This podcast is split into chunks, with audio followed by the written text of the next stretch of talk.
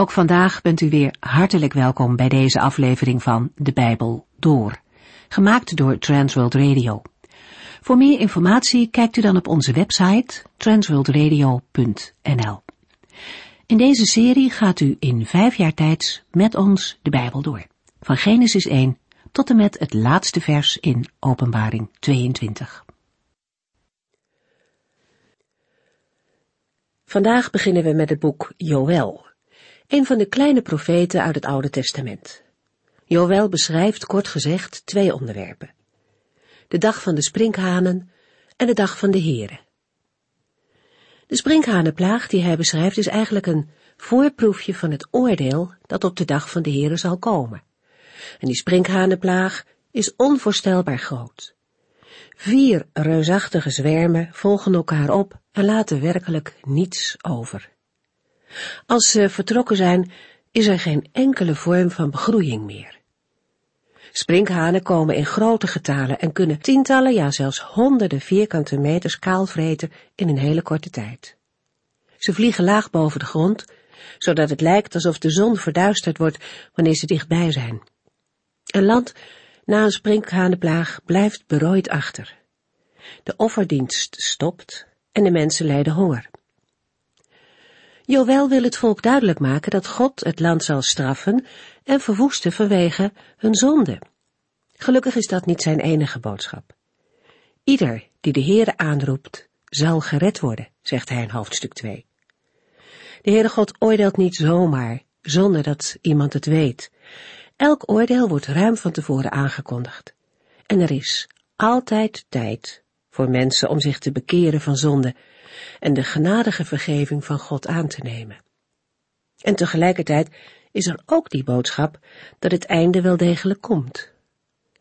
Rampen, zoals deze sprinkhanenplaag, maar dat geldt ook voor andere rampen, herinneren ons aan het komende oordeel van God. Ze laten zien hoe belangrijk het is om het in orde te maken met de Heere God, zolang er een tijd van genade is. We gaan verder met een inleiding op het boek Joël. In deze uitzending maken we een begin met de bespreking van het Bijbelboek Joël uit het Oude Testament. Laten we beginnen met een voor de hand liggende vraag. Wie was Joël? Een vraag die niet overbodig is, want Joël hoort bepaald niet tot de meest bekende personen uit de Bijbel. Wie enigszins thuis is in de Bijbel, weet dat hij door de Heer als een van de Bijbelschrijvers is gebruikt, en dat Joël behoort tot de twaalf kleine profeten, van wie we de Bijbelboeken kunnen vinden aan het eind van het Oude Testament. Maar, en mogelijk heeft u het gemerkt, het kost best moeite om het Bijbelboek van de profeet Joël te vinden. Het Bijbelboek is ook geen dik boek, het telt maar drie hoofdstukken. En in de Bijbelvertaling die wij bij deze uitzendingen gebruiken, omvat het Bijbelboek maar drie bladzijden, op een totaal van meer dan 1550. Kortom, het Bijbelboek Joël zie je gemakkelijk over het hoofd. Als we verder vragen, bijvoorbeeld, wie er nog iets meer weet te vertellen over de profeet Joël, dan is het mogelijk dat u of jij zich nog van vroeger kan herinneren dat de apostel Petrus in zijn Pinksterpreek in Jeruzalem de profeet Joël citeert. Maar daarmee, denk ik, houdt het op. In Handelingen 2 verklaart Petrus het Pinksterfeit, de uitstorting van de Heilige Geest, met een verwijzing naar de profeet Joël als hij zegt, wat hier gebeurt, is al lang geleden door de profeet Joël voorspeld. God zal aan het einde van de tijd zijn geest over alle mensen uitstorten. Uw zonen en dochters zullen Gods woorden spreken, jonge mannen zullen visioenen zien en oude mannen bijzondere dromen hebben. In die dagen zal God zijn geest ook uitstorten over allen die hem dienen, mannen zowel als vrouwen, en zij zullen zijn woorden spreken. Hij zal wonderlijke dingen laten gebeuren in de hemel en op de aarde, bloed, vuur en rookwolken. De zon zal veranderen in duisternis en de maan in bloed, voordat die grote en ontzagwekkende dag van de Heere aanbreekt. Dan zal ieder die de naam van de Heere aanroept, gered worden. Aan de andere kant is er van de persoon van de profeet Joël ook niet zoveel te vertellen. Behalve in het Bijbelboek dat zijn naam draagt en in het zojuist geciteerde Bijbelgedeelte uit Handelingen, wordt de naam van de profeet Joël in de Bijbel niet genoemd. In het Bijbelboek zelf lezen we maar één keer iets van hem, namelijk in Joël 1 vers 1. Joël, de zoon van Petuel, ontving deze boodschap van de Heere. Op zich vertelt het vers ons niets meer over de profeet zelf, behalve dat de naam van zijn vader wordt vermeld. Waarschijnlijk was Petuel in zijn dagen een bekend persoon. Het zou de verklaring kunnen zijn voor het noemen van zijn naam. We weten ook dat er in de Bijbel meerdere personen met de naam Joël voorkomen. In dat geval kan de toevoeging van de naam van zijn vader een aanduiding zijn over welke Joël het gaat, namelijk Joël de profeet, waarvan zijn vader Petuel heet, en de persoon die van de Heer een boodschap ontving. Zijn naam betekent de Heer is God. Joël trad op in het tweestammenrijk Juda. Over de persoonlijke omstandigheden van de profeet Joël en die van zijn vader Petuel weten wij verder niets. De naam Joël is een prachtige naam, maar maakt ons ook niet veel wijzer, omdat het een algemene naam is geweest die in Israël regelmatig voorkwam.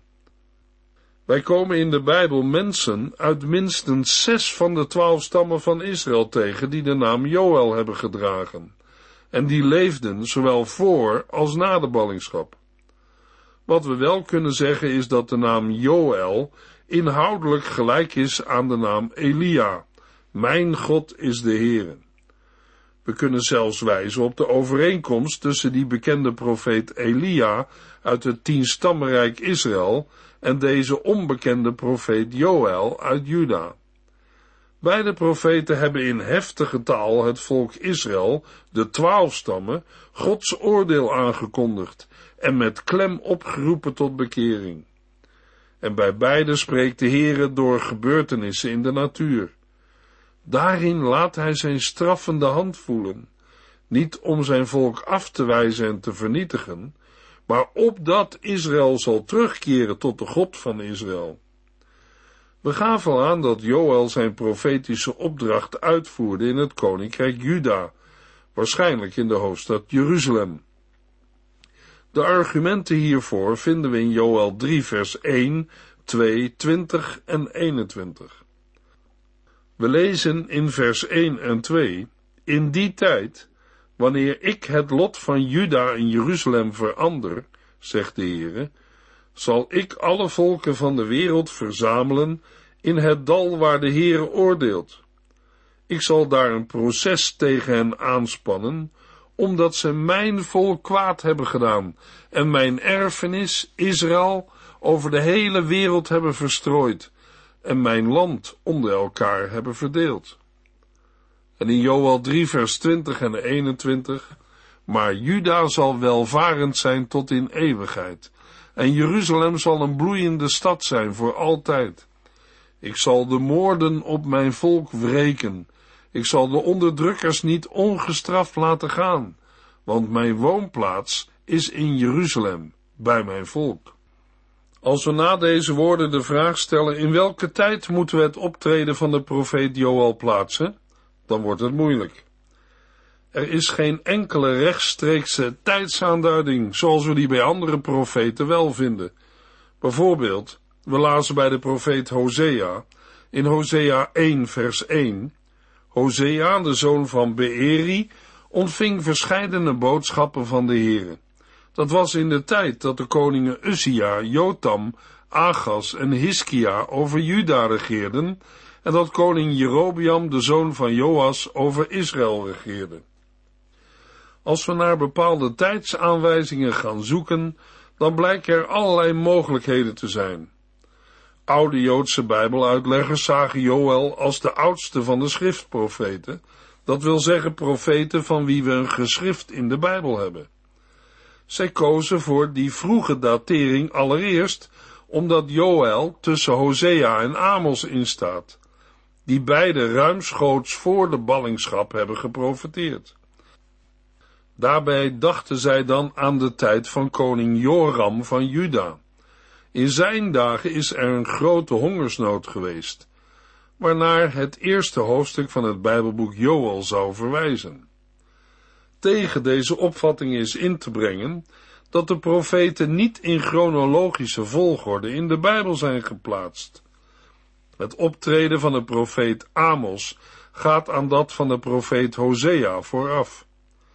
Andere Bijbeluitleggers plaatsen de profeet Joël in de tijd van de jonge koning Joas, toen de hoge priester Jojada regent was voor zijn neef, die nog maar een kind was.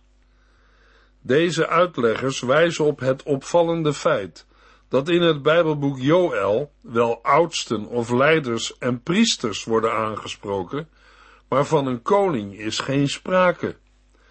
Toch is het nog maar de vraag of deze conclusie kan worden getrokken. Weer andere Bijbeluitleggers stellen een latere tijd voor, bijvoorbeeld de tijd van koning Josia of van koning Manasse, omdat er niet gesproken wordt over het tienstammenrijk Israël. Maar ook deze verklaring is niet overtuigend. Vandaar dat latere exegeten in een heel andere richting hebben gezocht. Zij plaatsen de profeet Joël ver na de ballingschap. Zij doen dat met name omdat de eschatologische boodschap van de profeet Joël kenmerkend is. De nadruk die de profeet Joël legt op de komst van de grote dag van de Here, plaatsen hem, volgens deze uitleggers, in een tijd ver na de ballingschap.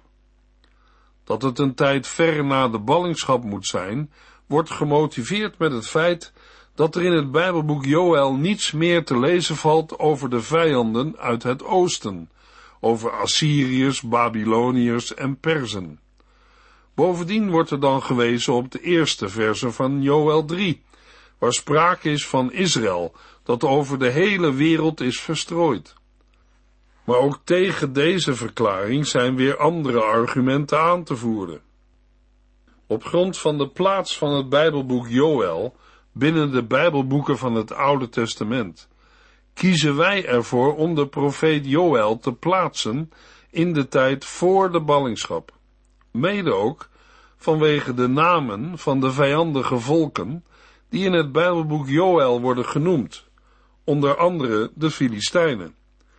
Maar meer dan een voorkeur is het niet en het blijft de vraag in welke tijd het optreden van de profeet Joël valt. De bekende reformator Johannes Calvijn schrijft in dit verband voor het verstaan van het Bijbelboek Hosea zou het moeilijk zijn als we niet wisten in welke tijd hij heeft geprofiteerd. Maar de betekenis van wat de profeet Joël leert is duidelijk, ook al is er onzekerheid ten aanzien van de datering van zijn profetieën. De Heilige Geest heeft het niet nodig gevonden de tijd van het optreden van de profeet Joël te openbaren. Intussen betekent dit alles niet dat de boodschap van de profeet Joël tijdloos zou zijn. Ook al wordt de tijd van zijn optreden door de een rond 900 voor Christus en door de ander op zijn vroegst rond 350 voor Christus gedateerd. De boodschap van de profeet Joël heeft een inhoud die voor al die eeuwen actueel is, die ook in onze tijd nog niets van zijn actualiteit heeft verloren. De aanleiding tot de profetie is een dubbele plaag, namelijk een reusachtige zwerm sprinkhanen en de aanhoudende droogte. De profeet ziet het als een ernstige waarschuwing van God. In het Bijbelboek Joël vinden we regelmatig woorden die we ook bij andere profeten tegenkomen. Profeten zoals Amos, Jezaja, Micha, Nahum, Stefania, Ezekiel en Obadja. Bij het citeren van andere profeten is het altijd de vraag, wie citeert er nu wie? Citeert Joël de genoemde profeten of de genoemde profeten Joël? Het antwoord op die vraag hangt samen met de datering van het Bijbelboek Joël. Vanuit de vroege datering van de profeet Joël namelijk voor de ballingschap, denk ik dat Joël het origineel schreef en dat de andere profeten hem hebben geciteerd. Een conclusie die de aanname bevestigt dat Joël vermoedelijk is opgetreden ten tijde van de priesterregent Jojada, in de jongensjaren van koning Joas. Het Bijbelboek is het werk van een bekwaam auteur. Zijn stijl is buitengewoon correct en zijn taalgebruik vertoont geen spoor van bederf, wat een extra argument is tegen een datering ver na de ballingschap. Het Bijbelboek van de profeet Joël vormt literair een eenheid. Zowel in de Joodse als in de christelijke traditie wordt de profeet Joël gezien als de schrijver. Dit feit krijgt in het Nieuwe Testament bevestiging in Handelingen 2 vers 16, waar Petrus zegt, wat hier gebeurt is al lang geleden door de profeet Joël voorspeld. En hoe wist de profeet Joël dat? We lezen het in het eerste vers van hoofdstuk 1. Joël ontving een boodschap van de Heere. Daarmee is niet Joël de auteur, maar de Heere zelf. De profeet Joël ziet in de boodschap die hij moet doorgeven een oproep tot bekering en terugkeer tot de God van Israël. De reusachtige zwerm sprinkhanen, de daarmee gepaardgaande droogte en tekorten, zijn een roepstem van de Heere, een oproep om de Heere te zoeken en zich voor hem te verootmoedigen. Maar er is meer. Met zijn profetische blik kijkt Joël verder dan de zeer nabije toekomst. Joël ziet de ramp die hij Juda moet aanzeggen als een voorteken van een toekomstig, veel zwaarder gericht van God. Joël noemt dat de dag van de Heere. In het tweede gedeelte van het Bijbelboek Joël beschrijft de profeet de zegeningen die het volk van de Heere mag verwachten als het zich bekeert. Duidelijk wijst de boodschap van Joël heen naar de woorden van Petrus op de Pinksterdag. In Handelingen 2 vers 38. U moet zich bekeren tot God en u laten dopen in de naam van Jezus Christus, want dan worden uw zonden vergeven en de Heilige Geest zal in u komen wonen. We gaan nu lezen in het Bijbelboek Joël. Joël 1 vers 1. Joël, de zoon van Petuel, ontving deze boodschap van de Heere. Het eerste vers kunnen we het opschrift van het Bijbelboek noemen. Het is van principiële en doorslaggevende betekenis voor heel de profetie van Joël. We hebben hier niet te maken met een woord van mensen, maar met een woord van God. De boodschap die Joël moet doorgeven komt van de Heere en wordt in opdracht van de Heere gesproken. En die God noemt zichzelf met de naam waarmee hij zich aan Israël heeft geopenbaard. Yahweh, Heere, die er is en die er zal zijn, ten behoeve van zijn volk, de getrouwe, die zijn woord houdt en doet wat hij heeft beloofd. De woorden Joël ontving deze boodschap van de Heere geven aan dat het om meer gaat dan alleen dat de Heere tot Joël spreekt. Daarom staat dat er ook niet. Er staat niet de Heere sprak tot Joël, er staat dat Joël een boodschap van de Heer ontving. God spreken is meer dan woorden zeggen. God spreken is scheppend spreken, zoals we lezen in Genesis 1. Toen zei God, laat er licht zijn, en toen was er licht. God spreekt en het is er. Hij gebiedt en het staat er. In God spreken is kracht en leven. Het doet wat. Gods woord dat uit zijn mond uitgaat, zal doen wat hem behaagt. Het keert nooit leeg tot hem terug. Zo is het bij Joël gegaan. Gods heilige geest, waarvan Joël prachtige dingen mag zeggen, heeft hem gegrepen met het woord van God en toen is Joël gaan profeteren. Door de heilige geest opende de Heere zijn ogen en met een profetisch oog mag Joël dingen zien die anderen niet zagen. De Heere opende de oren van de profeet, en zo hoorde hij wat anderen niet hoorden. Maar bij het zien en horen van de profeet Joël is het niet gebleven. De Heere opende ook zijn mond om te spreken, wat hij had gezien en gehoord. Het is hetzelfde wat Petrus schrijft in 2 Petrus 1, vers 16 tot en met 21.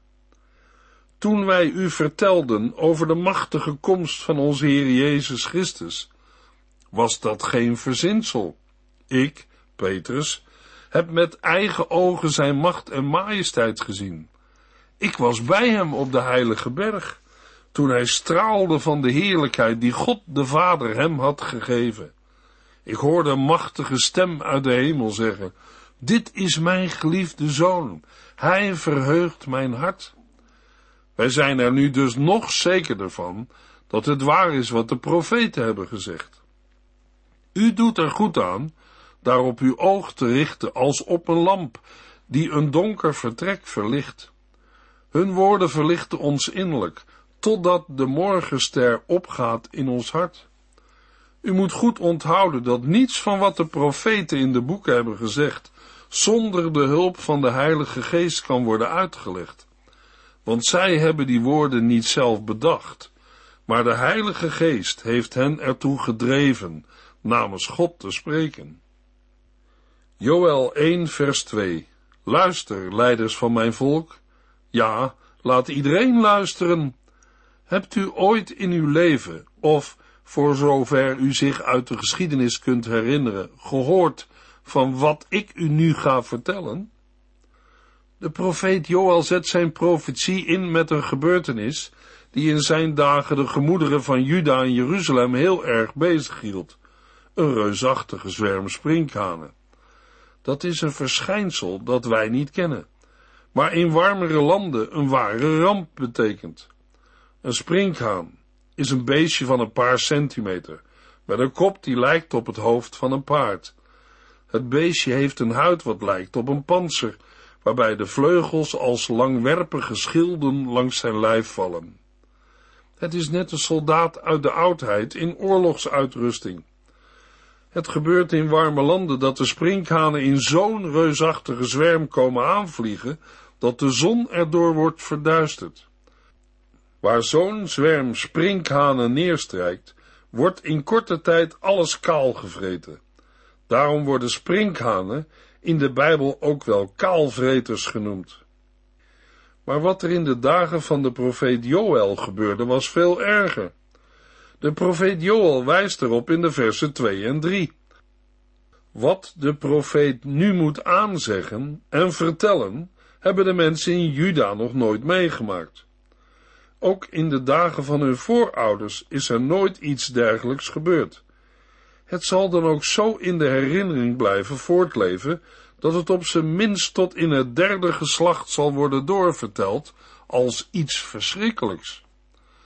Uit het vervolg zal blijken dat het gaat om een sprinkhanenplaag in vier opeenvolgende zwermen. In vers 4 wordt gesproken over knaagsprinkhanen, gewone sprinkhanen, roofsprinkhanen en veldsprinkhanen. In een andere vertaling lezen we, wat de knager had overgelaten, heeft de sprinkhaan afgevreten. Wat de sprinkhaan had overgelaten, heeft de verslinder afgevreten, en wat de verslinder had overgelaten, heeft de kaalvreter afgevreten. In de Hebreeuwse grondtekst zijn de gebruikte woorden allemaal synoniemen van het woord sprinkhaan. De ene zwerm is op de andere gevolgd, en wat de ene zwerm heeft overgelaten, of wat er nog weer is aangegroeid, is door de volgende kaal gevreten. Het is alsof er een machtig, ontelbaar leger over Juda is heen gewalst en de tactiek van de verschroeide aarde heeft toegepast. Joel 1 vers 3 Vertel het in de toekomst aan uw kinderen. Geef dit vreselijke verhaal door van generatie op generatie. In vers 2 en 3 roept de profeet Joel de leiders van het volk en alle inwoners van het land op om naar zijn woorden te luisteren. In een andere vertaling lezen we voor leiders het woord oudsten. In de betekenis van oudsten kan het ook worden vertaald met oude generatie of generatie op generatie. Met een retorische vraag wil de profeet Joël zijn hoorders onder de indruk brengen van het feit dat er nog nooit in de geschiedenis zo'n vreselijke sprinkhanenplaag heeft plaatsgevonden. De aankondiging van de profeet gebeurt op soortgelijke wijze als waarmee de herinnering aan de bevrijding uit de slavernij van Egypte onder de aandacht van de Israëlieten werd gebracht. In Deuteronomium 4, vers 32 tot en met 35 lezen we wat Mozes zei tegen het volk Israël. Bekijk de geschiedenis eens, teruggaan tot de tijd dat God de mensen op aarde schiep, en zoek van het ene eind van de hemel tot het andere om zoiets te vinden als dit. Een heel volk hoorde de stem van God vanuit het vuur, zoals u het hoorde, en het bleef leven. Waar vindt u een God die een volk uit de slavernij bevrijdt met vreselijke plagen, machtige wonderen, oorlog en angst? Dat deed de Heer uw God voor u in Egypte, waar u zelf bij stond. Hij deed dit zodat u goed zou weten dat de Heere God is en dat er niemand is zoals Hij. En vanwege het unieke van Gods ingrijpen, en dat lezen we ook in Joel 1 vers 3, moet de herinnering eraan worden levend gehouden van generatie op generatie. In de volgende uitzending lezen we Joel 1 vers 4 tot en met 13.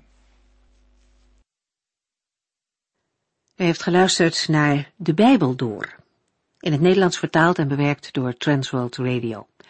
Een programma waarin we in vijf jaar tijd de hele Bijbel doorgaan. Als u wilt reageren op deze uitzending of u heeft vragen, dan kunt u contact met ons opnemen. Tijdens kantooruren kunt u bellen op 0342 478432 0342 478432. Ook kunt u een e-mail sturen naar de en natuurlijk kunt u ook via de post ons bereiken. TWR, postbus 371, postcode 3770, AJ in Barneveld. Dit programma werd gepresenteerd door Cor Weda en Ike André. Techniek was in handen van Odin van Voerkom. En wij allemaal bedanken u voor het luisteren. Graag tot de volgende keer.